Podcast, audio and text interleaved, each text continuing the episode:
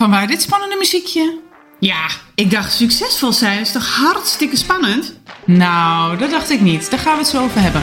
Ah ja, gelukkig hebben ze nu onze podcast. Echt hè? Ja, daar zijn we weer. Een nieuwe podcast. Gezellig. En vandaag hebben we een gast. Yes, en het is niet ik, want ik was er gewoon al. Ja, dus we zitten hier met Marloes en Marloes. En eh, Sabine is bij ons aangeschoven. En Sabine ken ik omdat ik een keertje foto's van haar heb mogen maken. En ik toen echt super onder de indruk was van al het werk wat ze doet. Eh, welkom Sabine. Ja, dankjewel. Super leuk dat je hier bent. Vind ik ook. Ja, dankjewel voor jullie uitnodiging. Ja, ik had er de hele week al zin in. Nou, hartstikke fijn. Ik moet er even aan wennen, want het is voor mij eigenlijk voor het eerst. En eh, ik, ik luister nu naar jullie en denk, nou, het is net of jullie dit al jaren doen. Maar goed, Oh ja! ik raak in. Voelt goed. Ja. Ehm, kun je misschien vertellen wie je bent, waar je vandaan komt en wat jij al zo doet?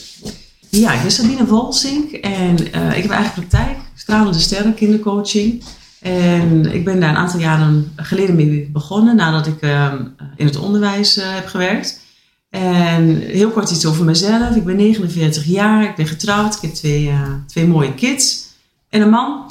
En de oudste die is eh, 19 en een jongen en, en een meisje van, eh, van 15. En ja, waar is het begonnen? Ik zit zelf even te denken, hoe, eh, wat, wat, ga ik, wat ga ik vertellen? Ik, ehm, ik denk heel kort even een terugblik. Ik was, eh, was 30 en ik zat op een, eh, op een plek eh, in een bedrijf.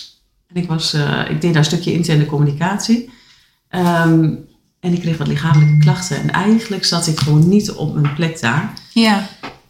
En, nou is heel- herkenbaar Heel ons. cliché, maar dan krijg je eigenlijk... ehm, eh, ja, je lichaam gaat je eigenlijk iets, iets vertellen. Ja. En dan denk je, hè, wat vervelend. En eh, waarom overkomt me dit nu?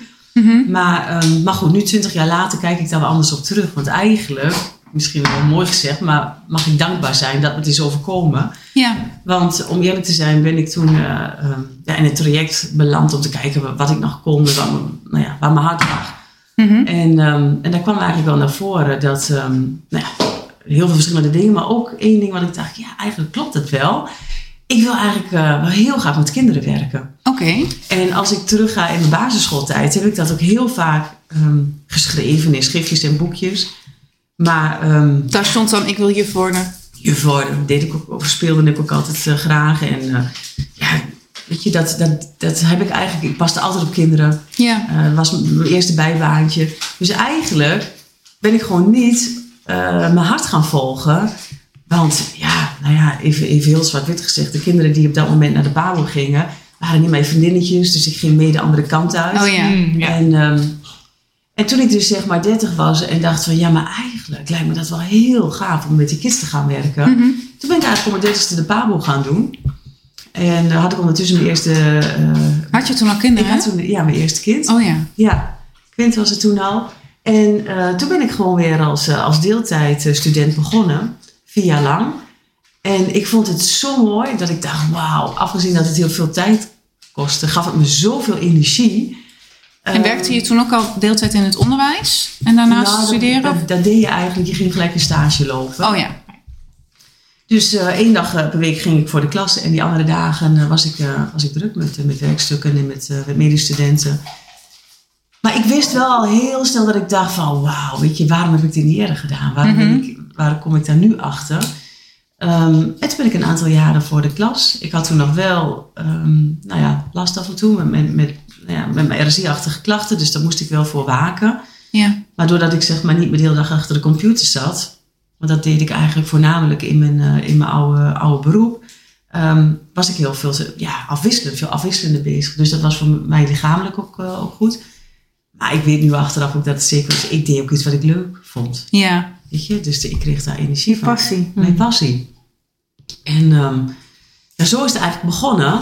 En toen ik voor de klas stond, had ik heel vaak mooie kids waarvan ik dacht, goh, ik wil eigenlijk wel iets meer met jullie. Ik, eh, ik zie dingen, maar ik kan daar op dit moment niks mee, want ik had er nog, eh, nou ja, tig. Mhm. En, ehm, en ik voelde soms ook dingetjes wat ik dacht van, goh, volgens mij heb je ergens last van. Of zou ik je wel op een andere manier kunnen of willen helpen. Ehm, en dat deed ik ook wel op mijn manier, maar ook wel te weinig.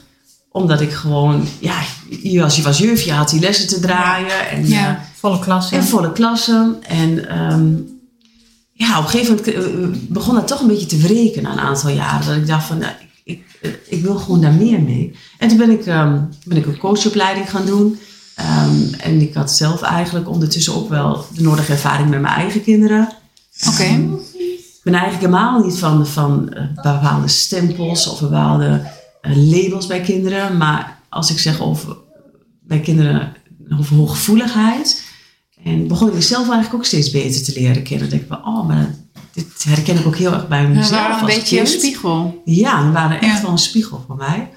Mijn eigen kinderen, maar ook de kinderen in de klas. En eh, nou ja, nadat ik eigenlijk die, die coachopleiding ben gaan doen, toen ben ik eh, langzaam gestart met mijn, eh, met mijn praktijkje dus, hè, de stralende st- sterren. Mhm. En ben ik gaan werken in eerste instantie met, met, eh, met ja, hooggevoelige kinderen. Kinderen die, eh, ja, die eigenlijk op alle sensoren openstaan. Ehm, en zoveel prikkels soms tot zich krijgen. Wat hele talentvolle kinderen zijn. Ehm, maar ook soms lastig, want ze worden ook overspoeld. Ja. Ehm, nou ja, daar heb ik eh, zeg maar hele mooie trajecten mee mogen doen. De eerste ook in de, toen ik nog voor de klas stond. Ja, dat eigenlijk ook wel op school al toegepast. En, ehm, en toen kreeg ik eigenlijk steeds vaker dat ik, ehm, dat ik dacht van... Goh, ik zie eigenlijk ook wel kinderen die ehm, heel talentvol zijn. En, maar toch moeite hebben eh, om schoolse taken tot zich te nemen. Hmm. En ook met eh, bijvoorbeeld eh, het afnemen van de AVI's. Hè. We moeten allemaal op toch wel op snelheid. Er zit heel Ja. veel druk bij. En Klopt. Het is heel veel toetsen wat we doen op school. En dan, dan zag ik toch eigenlijk bij bepaalde kids... ehm, dat ik dacht, goh, weet je, als, we, eh, als ik jou zo in de klas zie... dan, dan volgens mij zit er veel meer in jou. Weet je, het clichéverhaal. En tijdens het 10 minuten gesprek moest ik dan heel vaak zeggen eh, tegen ouders van... Goh, ik zie eigenlijk een heel mooi ehm, eh, ja, kind die volgens mij heel veel talenten heeft, maar het Mm. komt er gewoon niet helemaal uit. Nee. En dat vond ik zelf zo frustrerend om dat eigenlijk steeds te moeten vertellen tijdens die, die oude gesprekken. Dat ik me meer ging verdiepen in het brein. Hoe werkt ons, eh, hoe werkt ons brein? Ehm, boeken over ben gaan lezen. Ja. Maar ook ehm, eh, de kinderen een beetje gaan analyseren. Dat ik dacht van hoe kan ik ze daar op een andere manier mee helpen? Ik ben natuurlijk ook op een lezing van jou geweest in de Biep. Ja, Ehm, en toen, voor mij was echt een aha-moment dat je zei: Weet je, we hebben eh, verschillende manieren van denken. En sommige mensen die zijn beelddenkers, en andere mensen die denken veel meer als. Help me even. Nou ja, non-verbale denkers en verbale denkers Ja. hebben we. hè. Als we het zeg maar kunnen splitsen. En dat wil niet zeggen dat... ehm, En dat had te maken met banen die worden gelegd als je jong bent. Ja, Kun je daar eens uh, vertellen? ja. Of uh, Ja. houd je dan van je verhaal? Nee, nee, nee, nee, nee, nee. Oh, nee. Wat, wat, ehm, ehm, even heel kort, even dan een sprongetje nog terug. Als je op de aarde komt, dan heb je eigenlijk allemaal een, ehm, heb je geen taal. Weet je, je ziet je moeder, je ruikt je moeder, ehm, je beeld. Ehm, dus je, je, je kijkt, dus je, je reageert op mimiek. Dus dat, Ja. dat hebben we allemaal. Dus we komen allemaal, zeg maar, als, als beelddenken, als het ware, komen we op de aarde. Maar ergens tussen je vierde en je tiende jaar ontwikkel je het woorddenken erbij. Maar wij gaan allemaal op hetzelfde moment gaan we de schoolbanken. Dus we gaan allemaal in de groep drie, nou ja, rond het zesde levensjaar, kom je in die bankjes terecht. En Mhm. gaan we zeg maar 2D-symbolen tot ons nemen. Gaan we leren rekenen en schrijven Ja. en taal. Ja. Maar dat is niet voor elk mens op het juiste moment. Sommige kinderen zijn, eh, zijn leesrijp op een zesde. Sterker Mm. nog, kan zelfs op een vierde. Ja, Maar er zijn ook, ook kinderen die zijn pas leesrijp op hun achtste. En wat je, dan, wat je dan ziet als je dan zeg maar kinderen te vroeg in het leesproces drukt, dat ze in hun brein omwegen gaan creëren. Want ze moeten iets doen waar ze nog niet klaar voor zijn. ja. Ja. En dan krijg je eigenlijk dat er ehm, onrust, onzekerheid, uitwegen, ik moet plassen, klieren met de buurman. ja. Want je bent er eigenlijk gewoon nog niet klaar voor. Nee. En wat je, eh, dus da- dat is wat ik, wat ik veel zag ook, want ik heb wel een aantal jaren groep 3 mogen draaien, dat ik dacht van, goh, weet je, dat, dat, die uitwegen, dat waren eigenlijk soort overlevingsmechanismes voor die Hmm. kinderen. Mhm. En het zegt niks over je cognitie. Nee. Maar zij scoorden gewoon wel laag op die CITO's en op die, Ja. op die toetsen. Ja. Dus ehm, dat maakte het, als ik dan zeg maar gewoon buiten op de gang even een gesprekje met ze voerde, of ik, ik, ik ging over die toetsen, dan dacht ik, je geeft me nu waanzinnige antwoorden. Maar sterker nog, als je dan A, B, C of D kon aankruisen, dan kon dit kind kon mij de E en de F nog eh, vertellen. Ja. Oh van, ja. Weet je, jij denkt veel dieper nog na. Ja. Maar misschien is er voor jou helemaal geen goed tussen A, B, C en D. Maar is E nog veel mooier. Ja. Dus ik vond het eigenlijk wel heel frustrerend. Want ja, weet je, heel cliché gezegd. We zitten tussen, tussen die lijnen. En als het dan buiten die lijnen flaneert, als je begrijpt wat ik bedoel. Ja. Dan klopt het even niet. En ehm, nou ja, dat, da- daar werd ik eigenlijk zo door getriggerd. Ik vond het eigenlijk zo vervelend elke keer. Dat ik dacht van, maar hoe, wat, wat kan ik hiermee? Mhm. En ehm, nou, toeval bestaat niet, maar daar geloof ik ondertussen niet meer in. Nee. Dus ehm, had ik, eh, ja, mijn, mijn oudste, die, eh, de school waar ik destijds les gaf, die zat ook bij mij op school. Dat was een hele grote school, dus eh, ik heb hem zelf nooit les gegeven, maar dat leek me niet zo heel handig. Nee. Maar die, eh, die liep zelf, nou, vast is misschien een groot woord, maar die liep wel eigenlijk tegen het leesproces. Dus ik stagneerde eigenlijk een beetje, ging niet snel genoeg. Hij, hij bleef wat achter. En, eh, en toen zegt de leerkracht destijds mijn collega van, nou, laten we hem eens testen. Ja. En ehm, ik zie wel vormen van dyslexie. Want in principe wordt er altijd gezegd, weet je, als je groep 3 mag je nog spiegelen. De, de, de letters mogen, mocht je nog klappen. ja, dat je de B en de B maakt. wordt precies, Mhm. of de P wordt Q. Ehm, maar eigenlijk halverwege groep 4 wordt er altijd gezegd in het onderwijs, dan moet het spiegelen eigenlijk wel ophouden. Nou, dat hield bij hem niet op. En wat ik ook zo frappant vond destijds, is dat hij woordjes als de en is en het, die bleef hij maar verwarren. Dat ik dacht, jee, en dan, en dan staat, er- daar stond een glijbaan of eh parachute bij wijze van. En die spuugde die eruit. En dat kon ik op dat moment eigenlijk ook niet verklaren. Ik dacht, hoe kan dat nou? Dat hele kleine woordje, wat voor ons eigenlijk zo easy was, Ja. daar had hij moeite mee. En ehm, nou ja, zo ben ik eigenlijk ehm, eh, met hem eigenlijk het traject ingegaan. Want ze zeiden van, we gaan hem eens testen. Ja. En, eh, en toen ben ik naar een instituut gegaan en nou ja, kwam eruit dat hij dyslexie had. En ehm, nou ja, toen zijn we het, eh, het traject ingegaan met, met hem om ehm, eh, ja, eigenlijk zijn dys- dyslexie eigenlijk op te lossen. Op te lossen. Dat is wat ik destijds Ja, ja, ja. dacht. Jij Ja, dacht, dit gaan ja. we even Dit gaan we fixen. fixen. Ja. Ja, ja, hier moeten we wat mee. dus als je dan googelt op dyslexie en dan een brain damage. Dus ik vond in het begin, ik dacht, wow, weet je, wat heeft hij? En toen zegt mijn man van, ja, mijn man is al eh, midden 50. En die zei van, ja, maar dat herken ik heel erg. Alleen toen... Ja, Had dat geen naam. Hij had geen naam. Nee. Hij ging toen naar een apart schooltje, wat, Ja. wat kleinere klassen had. Ja. En eh, ja, dyslexie werd er niet gezegd. Maar eigenlijk zegt, ze- zei mijn man van mij, ik herken heel veel. Ik zie heel veel hoe Mhm. ik dingen zie en hoe ik dingen benader. En ehm, dus, wij, maar ja, even om terug te komen. Ik, ik dacht, wij gaan dit fixen. Ja. Dus eh, best wel intensief. Eigenlijk was hij best wel heel easy, mijn, mijn zoon. Dus die ging dat traject in. ja. En best als ik nu terugkijk, groep 4. Ik bedoel, eh, best En dat traject was dan Ja. op school? Was, nee, was na schooltijd. Oké. Dus onder schooltijd het uurtje dat mocht. Dus dan nou ja, ging hij een uurtje uit de klas. Ja. Maar na schooltijd zat hij echt wel zeker een half uur tot drie kwartier met mij. Zo jong als hij was. Ja. Te oefenen. Want wat we deden eigenlijk daar was remediëren. Dus wat op school, eigenlijk schooltje doorvoeren na, na, na Ja. schooltijd. Oh, dat- mijn vader die deed precies hetzelfde bij mij. Ja. Ja. En dan maar blijven erop hameren. En ik kon het niet. ja, ja. Maar ehm, eh, nee, dat is niet goed. We doen het nog een keer. Ja. We doen het nog een keer. Je kan dit wel. Kom op, je kan dit wel. Ja. We doen het gewoon nog een keer. Maar het, maar het lukte niet. Nee. Nee, wat ontzettend veel frustratie opleverde natuurlijk. Bij mijzelf. ja. Ja. En bij jouw zoon? Nou, eigenlijk, ik denk als we mijn dochter dat hadden gedaan, dan was het, eh, dan- dan- die had gezegd Tuledoki. Maar eh, ja, hij, hij ging eigenlijk best wel braaf mee in dat traject. Eigenlijk was hij wel heel easy going. Ehm, ja, nogmaals, weet je, ik geloof niet in toeval. Dus ik, ik heb met hem allerlei trajecten, zeg maar. Want ik wilde hem helpen. Ik ben Ja. zo'n Ja. moeder met, eh, met zo'n helpersyndroom, zou ik bijna zeggen. Maar die echt, eh, eh, ja, dacht van, nou weet je, ik wil mijn kind hiermee helpen. Ja.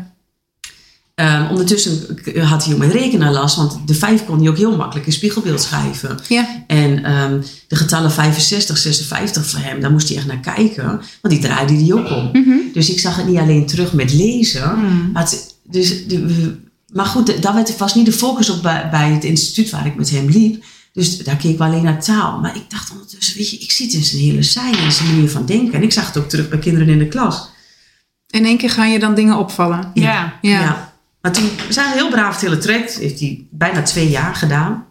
Mega duur traject, maar dat hoefden we niet zelf te betalen. Want er is de zorgverzekering voor, hè. Oh ja. Dus, ehm, en, en toch bleef ik gewoon, ondanks dat we dat hele traject hebben doorlopen, bleef ik gewoon, als ik met hem las, of als hij zelf dingen mij voorlas, dan dacht ik, oh weet je, die kleine woordjes, of bepaalde, bepaalde momenten, dan spuugde die alles eruit. Dan dacht ik, nou, weet je, hoezo dyslexie? Ja, dit gaat goed. Ik zie helemaal niks. Ja. En de andere momenten, en voornamelijk als, je, als hij moe was of dat hij geen zin had, dan dacht ik, nou, wat een gestotter en gestoten. En we hadden we alles al gehad. Ondertussen ja, begon ik gewoon. En jij dacht, het is nog niet gefixt? Nee, het- nou ja, weet je, brain damage, daar zat ik nog in. Oh ja, oh ja. Ja, dus Ja. er is ergens iets in zijn brein wat niet, wat Ja. niet aangehaakt is. Of ergens zit er geen, geen, geen stekker in een stopcontact hierboven. Dus, eh, totdat ik op een gegeven moment het boek De Gave van Dyslexie in de handen kreeg. Mijn moeder kwam daarmee. En toen dacht ik... Een ehm, gave, de geen brain gave. damage. Nee, ja, echt hè? alleen al de titel Ja. vond ik echt wel super. Ehm, want ik denk, nou, dat is eigenlijk iets heel positiefs. Terwijl Ja. ik nog steeds in die moeder staat van, oh, je, Omdenken. ja. En ehm, nou ja, toen, ben ik, toen ben ik uiteindelijk dat, dat boek gaan lezen. Ik denk dat ik hem in twee avonden uit heb gelezen. Want ik vond het echt nou, een puzzelstukje. En... maar. ik, ik dacht de echt, de ja. hond in de tas. ja. Kind zo een eh, hartstikke, hartstikke gezellig in. Maar wat, ik op, wat ik op een gegeven moment dacht van... nou, Ik denk van, nou, dit is, dit is eigenlijk echt iets... Waarom heb ik het niet eerder ge- eh, tot me genomen? Nu denk ik van nee, want ik heb ook al die andere paden bewandeld. Ja. Ik heb het nou alleen over dat instituut, maar zo hebben we natuurlijk wel wat andere dingen nog gedaan. Mhm. Van logopedie, want daar begonnen we natuurlijk. Dat is natuurlijk het eerste wat je ook aangeboden vaak krijgt destijds op school. Oefenen en ehm, heel veel van hetzelfde.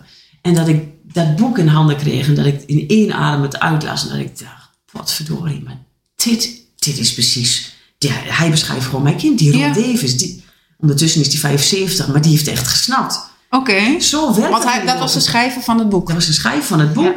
Hij is ondertussen 75. En toen dacht ik, maar ik, ik wil die workshop doen. En ehm, ik vond het destijds... Want hij gaf ook workshops. Nou, hij niet, want hij, hij woont in, eh, in, in Californië, geloof ik. Ik weet het niet eens precies. Maar er was ergens aan de andere kant van Nederland... wa- was er een, een, een, Davis-instituut, had ik me laten vertellen. Oké. Daar werd ik zo getriggerd, was, was ik zo nieuwsgierig naar...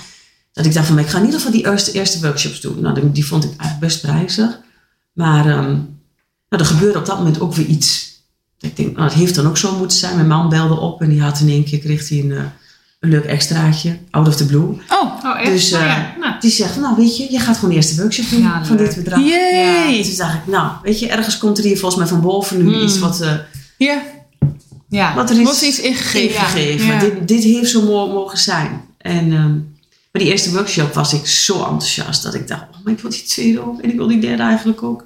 En zo ben ik eigenlijk gewoon dat hele traject ingegaan. En elke keer gebeurde weer iets dat ik dacht, nou, ik ga het gewoon doen. Ik ga die tweede ook doen. Ja.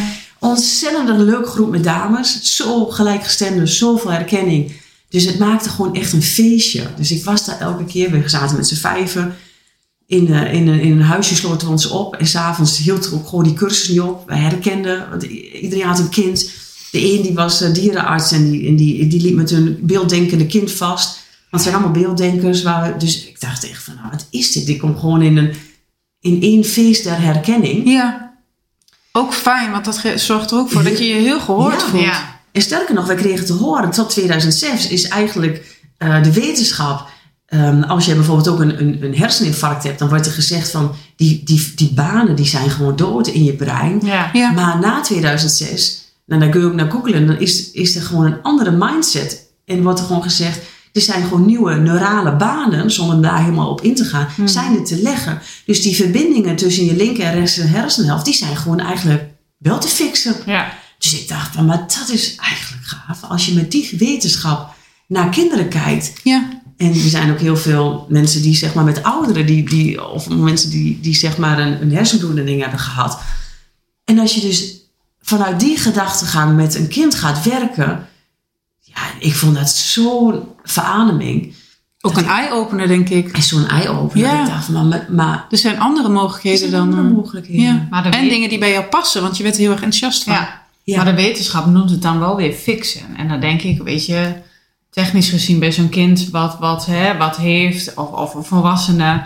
Ik bedoel, op het moment dat je een ongeluk hebt gehad en, en er raakt wat verstoord, ja, dan is iets misschien kapot gegaan. Maar bij die kinderen is het toch niet kapot? Ze zijn gewoon zo geboren. Ja. En ik denk wel dat dat soort kinderen ook ehm, constant de deksel op de neus krijgen. Net alsof er wat mis is met hun. ja.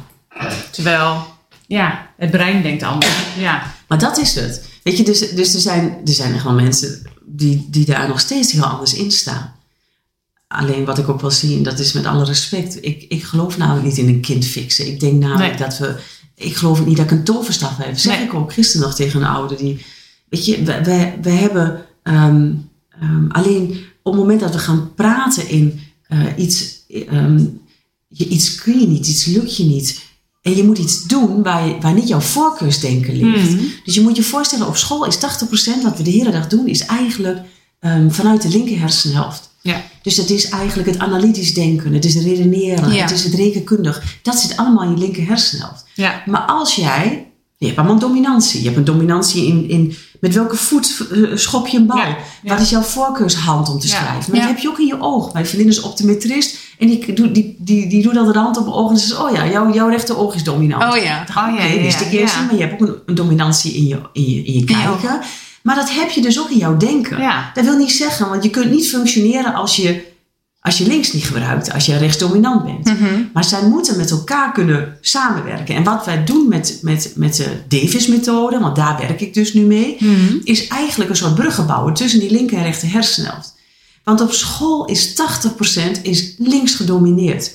Dus dat wil dus zeggen, als, jou, als jij je voorkeur ehm, denken recht ligt, maar je moet de hele dag iets doen wat je, waar niet jouw, jouw voorkeursdenken Ja. ligt, nou, hoe frustrerend en hoe energievretend dat is. Ja. Ja. En dat zorgt er gewoon voor dat, ehm, eh, dat we eigenlijk, zeg maar, ja, ik, ik laat het ook vaak zien aan ouders, gewoon een, een plaatje van, van, van, dat, van, van een hoofd, van je brein. En als je dan die bruggen bouwt, dan wordt het leren weer makkelijker. Dus dan hoeft jouw brein geen omwegen te creëren om op zoek te gaan naar die informatie. Ja. Want dat is wat je doet. Dus het heeft met meerdere factoren te maken. Maar één, wat ik net zei, is te vroeg in het onderwijssysteem. Maria Ja. Montessori heeft dat ook al heel mooi bedacht. En er zijn nog heel veel meer onderwijsscholen die zeggen van...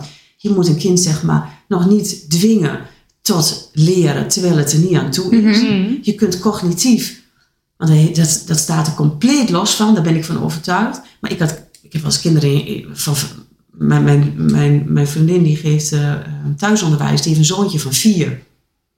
En ehm, die leest de hele boeken weg. Maar dat brein was er gewoon klaar voor. Ja, Terwijl die ja. oudste van zeven nu pas langzaam naar letter wil kijken. Oh ja. Dus Ja. twee kinderen, zelfde Ja, gezin. ja. Allebei op dezelfde manier. Dus het heeft niks te maken Nee. met... eh, alleen hij was er Het heeft te maken met maatwerk. Ja, de ene is er nog Ja. niet aan toe. En als je dan zeg maar te vroeg in dat proces wordt gedrukt, dan word je zenuwachtig, want je moet iets doen wat je lastig vindt, wat Ja. je niet kunt. En dan ga je dus, wat ik zei, dan ga je dus kleren met de buurman, of je gaat continu plassen, of naar buiten kijken. Want je, ja, je juf die zegt van, nou, ik, ik, laag werkgeheugen, eh, is er niet bij, is zit alle vogels Geen buiten. concentratie. Ja. Slechte concentratie. Langzaam lezen. Langzaam lezen, exact. Dus dat, dat, dat is dus wat er dan gebeurt. Allemaal herkenbare dingen. Maar ja, we hebben natuurlijk, hè, onze, onze podcast heet de psychologie van eh, succesvolle vrouwen. Wat is voor jou succesvol zijn? Nou, wat ik, wat ik echt voor mij, ehm, en dat klinkt eh, misschien heel mooi, maar als ik wakker word, dan word ik gewoon zo blij als ik met, met, met een kind aan het werk mag. En dat geeft mij zoveel voldoening, dat, ja, weet je, dat, is, ja, dat klinkt misschien heel, maar het is gewoon mijn, mijn zielsplan, zeg ik wel eens. Ja. Dus ik, ik ben echt zo blij als ik zie dat ik een kind, zeg maar, weer een stukje verder heb mogen Ja. helpen. Maar dat, dat is als, aan alles hoe je praat, hoe je beweegt, hoe je erover vertelt, voel ik dat ook. Ja. Ik denk echt, dit is waar je voor bent gemaakt. Ja.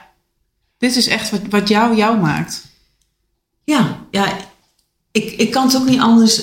Het voelt ook echt zo Ja. dat ik, ehm, ik, ik werk dus zeg maar thuis met, met één op één met zijn, eh, met zijn kind. Ehm, maar eigenlijk zou ik het heel graag willen multiplyen. Dus ik wil het zo graag zeg maar in de scholen uh. Ja, Ja. ja. Want het is namelijk niet, we praten nu over dyslexie. ja. Maar eigenlijk elke, eh, eh, elk kind wat zeg maar de, dia- de stempel dyslexie heeft gekregen, ehm, is een beelddenker. Mhm. Mhm. Maar de valkuil is, de, is elke beelddenker is geen dyslect. Nee. Ik ben er eigenlijk achter gekomen dat ik een mega beelddenker ben.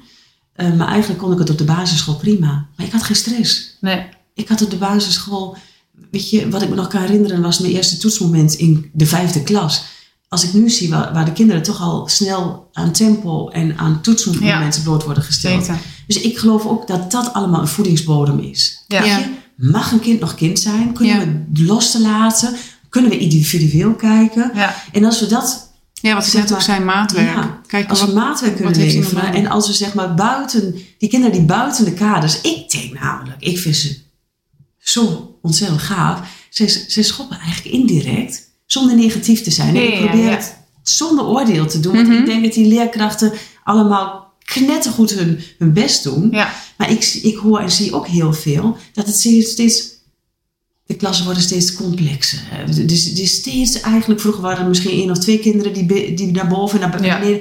Maar nu is, is een, een derde, wat zegt van de week een leerkracht, een derde eigenlijk die, die ik volgens de methode goed kan begeleiden. En de, en de, en de andere gedeeltes gaan er naar boven en naar onder uit. Ja. Dus zij zien ook dat het steeds eigenlijk complexer wordt. Maar je kunt het ook zo zien dat die kinderen eigenlijk ons iets vertellen. Als Ja. we daar nou eens Ja. naar kijken, Ja. wat willen zij ons Ja. zeggen? ja. Wat Laat willen zij het ons vertellen? los, hè? Ja, Ja, wat wordt steeds erger, dat systeem. Terwijl onze maatschappij heel anders is geworden. Onze kinderen zijn anders, wij leven anders.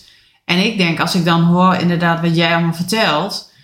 denk ik, je haalt dus niet de potentie uit die kinderen. Omdat je zo stramien denkt in zo moeten we leren... en we moeten ons linker hersendeel gebruiken...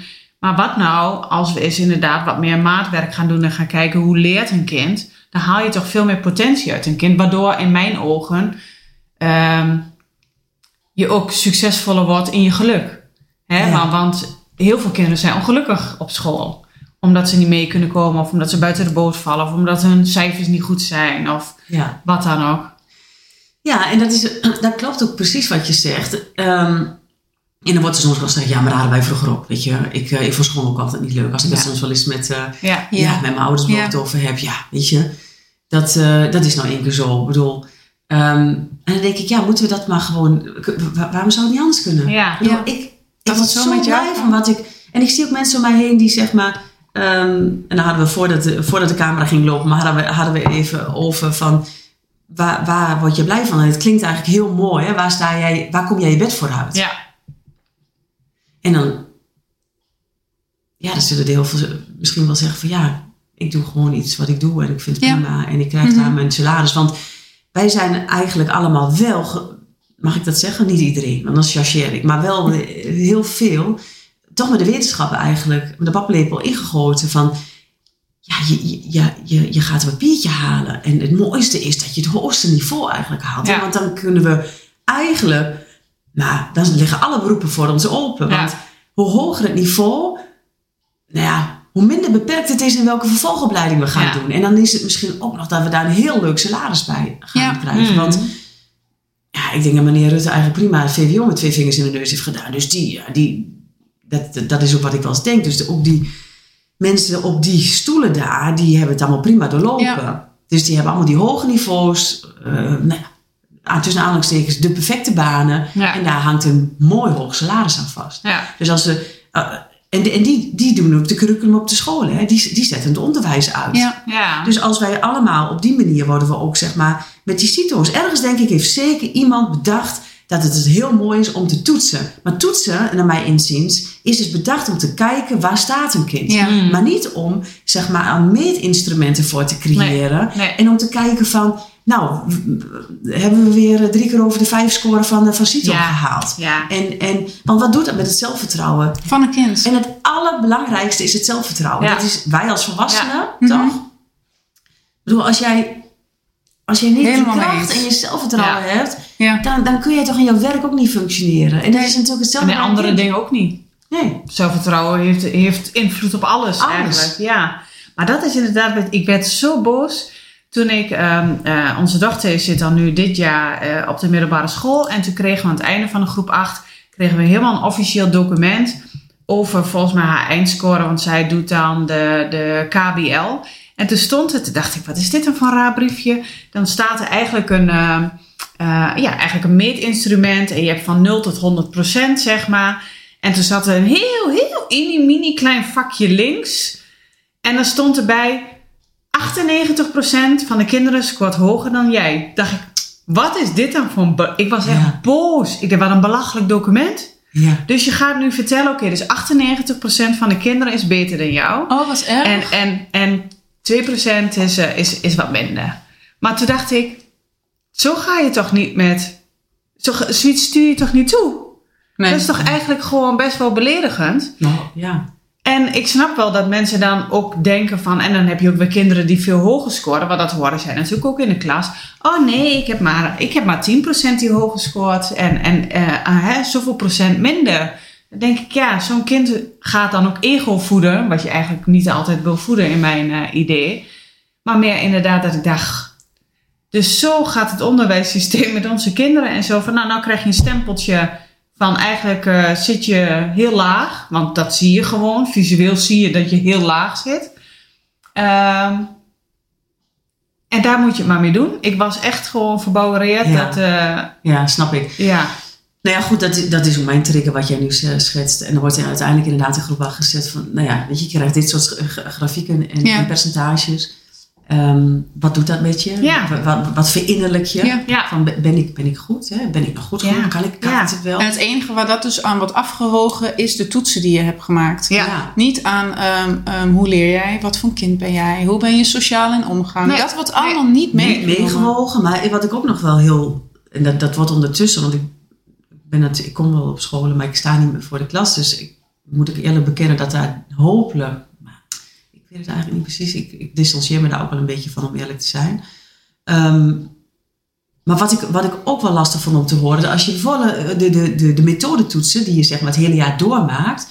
Die konden kinderen dan zeg maar ook zo'n best nog wel goed scoren. Maar dan werd die CITO... CITO is echt wel een andere manier van vraagstelling. Ja, ja. En vooral voor, Oh ja. voor die beelddenkers Ja, ook bij reken, bij die, bij die, bij die nou ja, ouderwets die redactiesommen, ook zeg maar die verhaaltjesommen, er komt zoveel taal bij kijken. Ja. En die vond ik als kind zo wat- moeilijk. Dan, Ja. Ja. Ik Wat Snap, je? die vond ik als kind zo niet. moeilijk, snapte Ja. ik niks van. maar wat test je dan? Want uiteindelijk met rekenen wordt er dus, nou ja, zoveel ook op taal en eh, ge- getoetst.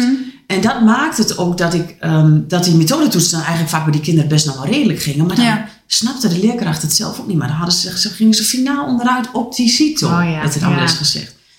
En dan snapt het kind het eigenlijk ook niet. Want die denkt, maar eigenlijk heb ik het toch dan helemaal niet zo brood gedaan het hele jaar. Ik had Ja. voor aardrijkskunde eigenlijk het hele jaar achter. Ja. En ik Ja. had eigenlijk, Ja. god die spelling ging eigenlijk, ja maar dat is dan minder belangrijk dan Ja. de spellingscontrole. Maar dat doe ik toch eigenlijk ook best nog wel redelijk. Ja, Dus ze snappen het zelf eigenlijk ook niet. Want je ziet een paar van die staafdiagrammen en daar een paar percentages. Ja. En met zo'n dichte envelop, en die krijg je dan ook nog heel officieel thuis Oh, gestuurd. ja. Dus, en dan wordt het allemaal naar elkaar. oh, en dan is het zenuwachtig. Ja. En dan is het niet goed. Nou, Nee, maar, maar ja, het kind, weet je, als, als wij dat systeem blijven voeden op deze manier, en daarom dan pleit ik ook echt voor dat eh, er gaan ook heel veel dingen gaan, gaan wel goed. Maar als we het blijven voeden op deze manier, door te kijken naar goed en fout. ehm, en daar, daar, daar probeer ik zelf ook mijzelf in om te denken. Dat als ik zeg maar werk met een kind en ik ben nou één dag op een school. En dat, ja, dat, dat leeft ook. Oh, je hebt het goed gedaan. Oh, doe ik het wel goed? Ja. Ja. Oh, ja, ja, En dan ja. denk ik van, laten we gewoon zeggen van, ehm, weet je, ook al doe je het nou nog niet goed, maar we gaan het gewoon leren. Je gaat het gewoon proberen. Ja. Ja. Laten we, op een gegeven moment ging, ging bepaalde leerkrachten bij mij, die deden dan niet meer een rode pen, maar een groene pen, maar wel met een streepje. Oh ja, ja. Ja, ja, Maar die waren ook aan het zoeken, weet je, zonder oordeel. Van hoe kunnen we, eh, want soms zeiden kinderen van, ik heb alles rood in anders schriftje. Hoe kunnen we het anders doen? En ik zie ook leerkrachten wel zoeken van, hoe kunnen we het anders gaan doen? Maar we zitten ook met al die toetsen die we moeten doen. En Ja. nog meer. De methode Ja. is nog weer een update Ja. gekomen, zegt laatst een, eh, een juf. En die zegt van, nou, ik, teksten zijn echt gigantisch. Groep 3 zegt ze, ik moet, wat ik af moet nemen. ja. En Nou, ik zie bij Aisha ook hoe snel ze door de stof heen moeten gaan. Nou, ik denk echt, wa- waar ben je nu allemaal mee Ja. bezig? ja. Ja, het gaat echt super snel.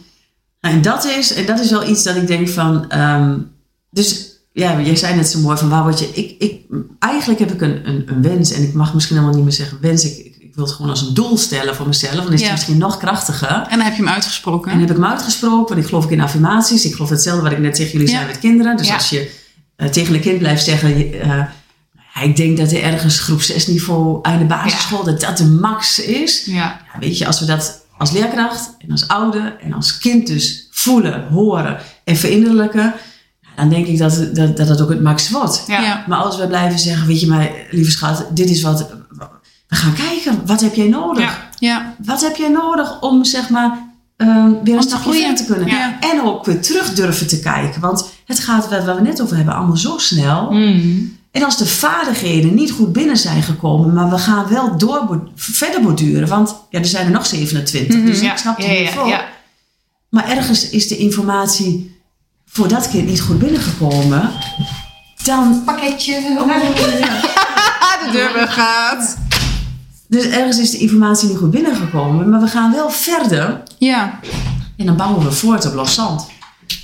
Dan is de kapstok, zeg maar, die, die wankelt. Ja. Dus, en dat vind ik wel het, het, het, het mooie van, van die ideevis. We gaan eigenlijk, we gaan weer terug. Ja. We gaan weer terug naar die basis. Ja. Ik werk dus met klei. Magisch. Ja. En, en het is dus niet alleen voor die kinderen met een stempel met dyslexie of ADHD of in het autistisch Nee. spectrum of nou ja, Hoogsensitiviteit. hoogsensitief, Nee. noem maar op. Maar het zou voor alle kinderen. Dus Ja. ik Ja. zou het zo gaaf vinden. Wij noemen dat de DLS, de DVS leerstrategieën. Dat we in de onderbouw, dus van, vanaf groep 2 tot en met groep 5, rollen wij de Davis methode uit. Oh, en dat krijg er is, helemaal kriebels van, Ja. zeg maar. Volgens mij moet dat. Ja. ja, ik hoop echt zo dat, dat we dat hier, nee, laten we het maar eerst met kleine Maar, we- maar we gaan hem gewoon nu dan uitspreken. Want we, hebben, eh, we, we zijn nu eh, eh, over de 30 minuten nou, al heen. Dat was ook niet anders verwacht eh, natuurlijk met zo'n interessant onderwerp. Ehm, ik denk dat dat een mooi afsluiten is van hoe zie jij dat? Wat, wat, wat moeten wij, want ik weet dat er natuurlijk wel veel moeders zullen luisteren misschien. eh, ehm, wat kunnen wij onze kinderen hierin meegeven? Hoe kun je als ouders zeg maar ervoor zorgen dat het leersysteem hun niet blokkeert? Ja. ja, dat is wel een hele mooie vraag. Want daar liep ik natuurlijk zelf als moeder eh, ook, ook eh, tegenaan. Ja. Ehm, ja, wat, wat ik wel e- even heel kort nog, want anders dan is dat misschien wel vaag. Van, want dan denk je, ja, wat is dat voor magisch Ja. stokje dan, die Davies-methode? Wat wij eigenlijk niet leren in het onderwijssysteem is dat wij, ehm, dat wij mogen ontspannen. En dat wij, wij noemen dat loslaten. Als wij durven los te laten, dan is ons brein open om informatie tot, tot zich te nemen. Dat is één van de drie kerntools. En de tweede is aandacht richten. En eigenlijk leren we niet. Hoe moeten we leren? Als ik nu terugkijk naar mezelf, liep ik daar ook wel tegenaan. Ja. Aandacht richten. Hoe kunnen we focussen? Hoe kun je ge- georiënteerd iets tot je nemen? Dat is de tweede. En de derde is eigenlijk je energie meten. Waar zet je je eigen interne klok op om informatie tot je te nemen? Dat zijn eigenlijk drie basistools Mhm. die we op school niet aangeboden krijgen. En, ehm, en als wij dat in ons rugzakje mogen hebben, dus ook voor de kinderen mee kunnen geven, dan denk ik dat dat leren, dat dat zoveel makkelijker gaat. En als ik dat aan ouders vertel, dan, dan, dan zie ik ze ook wel kijken van, oh weet je, ik wou dat ik dat vroeger had gehad. Of, Ja. ehm, Ja. Oh, maar ik snap het wel. Dan zie ik ook dat de ouder ook los kan laten. Want Ja. een ouder wordt zenuwachtig als die elke keer tijdens een 10 minuten gesprek te worden krijgt van ja. En dan denkt van ja, maar wat moet ik eraan? Ik, Ja. eh, Ja, hoe kan ik mijn kind daarin helpen? ja. Dus als we die ouders zeg maar ook eh, meer in de kracht zetten, Hmm. dat er niks mis is met hun kind, maar dat hij op een andere manier misschien ook zou kunnen leren. Ja. En dat we daarmee in gesprek gaan met die leerkracht. Dus we moeten het samen doen. We moeten het Ja. samen doen. Ja. En, ehm, en als we dat zeg maar, ehm, nou ja, ook een, een tipje van die sluier oplichten bij die, bij die leerkracht. Want die heeft het waarschijnlijk ook heel makkelijk tot zich genomen. Vaak, hè? Hmm. Ik zeg niet alle, want ik heb ook wel steeds meer leerkrachten die zeggen: Oh, maar dat heeft mijn kind ook, of dat herken ik. Ja, Dus als we het zeg maar door in gesprek te blijven en door zeg maar te kijken van, maar hoe kunnen we het anders doen door vier keer over hetzelfde te herhalen, maar info komt niet binnen, gaan we op zoek naar, maar wat, wat, wat, kan dit, wat kunnen we bieden voor dit kind? Ja. In Mm. plaats van, laten we hem testen. Er komt vaak dan een diagnose uit. En dan komen die mooie rapporten met een disharmonisch profiel. En verbaal en performaal zit een discrepantie tussen. En die, dat, dat, dat komt la, onder die honden. Dus er is toch wel iets mis. En Hmm. wat gaan we dan nu doen? Ja, misschien moeten we verder testen. Oh Er komt dus zeg maar een, een diagnose. En na diagnose. dan word ik, en ik, eh, alle, alle mensen die nu luisteren, begrijp me niet verkeerd. Ik snap voor ouders dat het soms de oplossing kan zijn. Ja. Ja. Maar ik gun die kinderen vaak, want het zijn vaak kinderen die ons wat willen laten zien. En als we op die manier willen kijken, dan denk ik dat ook heel veel kinderen medicalisering bespaard kunnen blijven en diagnosticering. Hmm. En dat is eigenlijk wat ik, wat ik ze gun. Nou, dat gunnen wij ze ook. Zeker. Ja. En hoe? Echt, hè? Mooi. Super mooi verteld. Inspirerend. Ja. En verhelderend. Zeker. Ja. Voor jezelf, van oh ja, zo zat het leersysteem in elkaar. Maar ook voor onze kinderen natuurlijk. Want wij herkennen ook gewoon alweer dingen in onze kinderen. Dat je denkt, oh, goh, daar lopen ze tegenaan. Ja. Ja. Mooi. Ja, nou fijn, fijn om te horen dat voor jullie, tenminste, een, nou ja, een feest der herkenning is, zegt, zegt soms wel eens iemand. Maar dat je in ieder geval denkt van ja, Ja. zo, zo kan het ook. Ja, En, en nogmaals, ik denk dat er heel veel mooie mensen zijn die ook prachtige dingen doen. En dit is wat, zoals ik erin sta. En ja, ik, dat wil ik nog wel meegeven. Ik geloof niet iets is goed of iets is fout, Nee. wat ik net ook zei. Helemaal niet ten aanzien van kinderen, maar ook niet van onszelf. Ik denk ook, ja, weet je, soms ga je op zoek van wie kan mij hierin helpen. Ja. Als je met je kind ergens, Ja. eh, nou ja, net ook al vastloopt of ergens tegenaan loopt. Ja. Nou, dit is een beetje mijn pad geweest en waar, eh, Heel waar ik heel blij van word. Ja. Maar mooi en wat, wat, wat fijn dat ik, dat ik in ieder geval met jullie dit gesprek eh, mocht voeren en mijn verhaal mocht doen. Ja, Dus, vinden wij ook. Dankjewel voor de uitnodiging. Graag gedaan. Zeker. Graag gedaan. Leuk. Nou, dan eh, sluiten we nu af. Is er nog ergens waar we jou kunnen vinden natuurlijk eh, Ja. eh, online? Ik zal sowieso wel een link ergens onder zetten. Maar ben je heel actief op, op social media of meer via je website?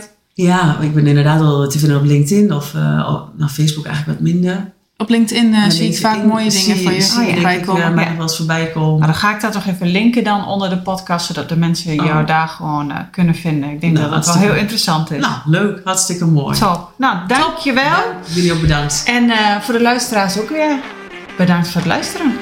Toedoe!